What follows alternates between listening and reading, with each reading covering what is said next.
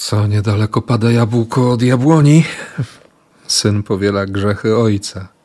Mimo, że jak mu to wypomni Daniel, ojciec Nabuchodonozor, obdarzony przez Boga Najwyższego królowaniem, wielkością, czcią, chwałą, Wszystkie narody, ludy, plemiona, szczepy mówiące odrębnymi językami drżały ze strachu i bały się jego oblicza. Których chciał, zabijał, których chciał, sam chłostał, których chciał, sam wywyższał, których chciał, poniżał. I serce poczuło się wielkie, duch tak mocny, że zaczął zachowywać się butnie. I nagle wszystko stracił. Był jak zwierzę. I według świadectwa czwartego rozdziału Księgi Daniela nawrócił się. A Baltazar? 22 wers. I ty, Baltazarze, jego synu, nie nauczyłeś swojego serca pokory, choć to wszystko było ci znane.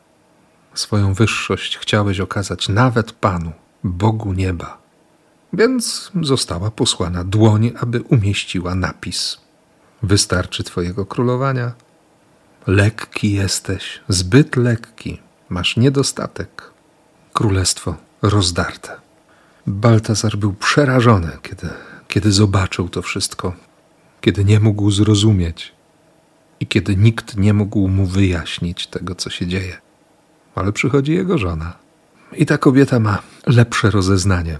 Jest w Twoim królestwie mąż, w którym przebywa duch Boga. Rzeczywiście jest w nim jakiś szczególny duch. Tutaj jest użyte to samo słowo, które dwa rozdziały wcześniej opisywało piec ponad miarę rozpalony. Tak jak tamten piec Nabuchodonozora zionął ogniem, aż spalił tych, którzy podsycali ogień, tak samo Daniel jest wypełniony duchem, że nie ma dla niego żadnej tajemnicy. Wszystko odkryte i odsłonięte. I znów Daniel tłumaczy, że to nie chodzi o, o jego wielkość. Upominki swoje zachowaj dla siebie, dar twojego pałacu oddaj innemu. Napis odczytam, ujawnię wyroki. Tak po prostu. Te dwa teksty, i drugi, i piąty rozdział, wczorajsze i dzisiejsze czytanie, też pokazują mi Daniela i jednocześnie są dla mnie lustrem i prowokują do zastanowienia się. Bo Daniel, Daniel wie, kim jest. Docenia łaskę. Wie, że ten szczególny duch to Boża obecność, to błogosławieństwo, którego ogarnia z każdej możliwej strony. A jednocześnie on nie ulega pokusie bycia wyjątkowym, zadzierania głowy wysoko i, i gardzenia innymi. Dla niego to, to po prostu normalne. On wie, bo mu Pan objawił.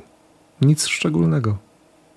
Aż by się chciało za Eugenią z Jasminą powiedzieć: No i co się dziwisz? Daniel nie zachowuje się butnie, jego serce nie czuje się wielkie, jego duch wcale nie jest tak mocny. On nie pozwala sobie na to, bo wie, że Panem jest Bóg. Żeby o tym nie zapomnieć, żeby woda sodowa nie uderzyła do głowy, nie? żeby tak jak mówi dzisiaj Jezus też mocno, położyć to sobie dobrze w swoim sercu, żeby zaufać. Dam wam takie słowo, takie usta, i mądrość, jakim wasi przeciwnicy nie będą zdolni się przeciwstawić ani im zaprzeczyć.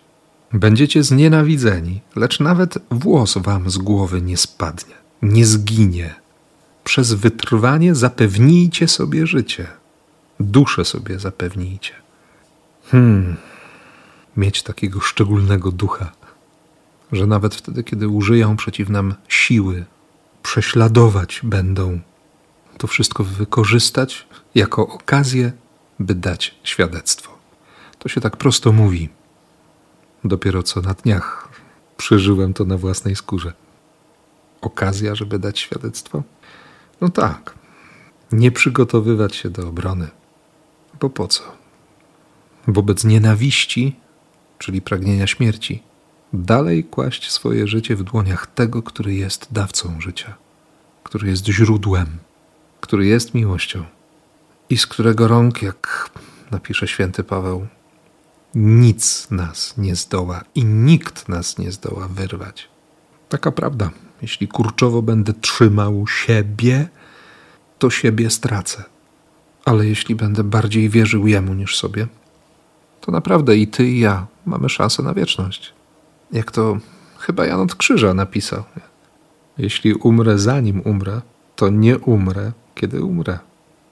Czego i tobie, i sobie z całego serca życzę i błogosławię w imię Ojca i Syna i Ducha Świętego. Amen.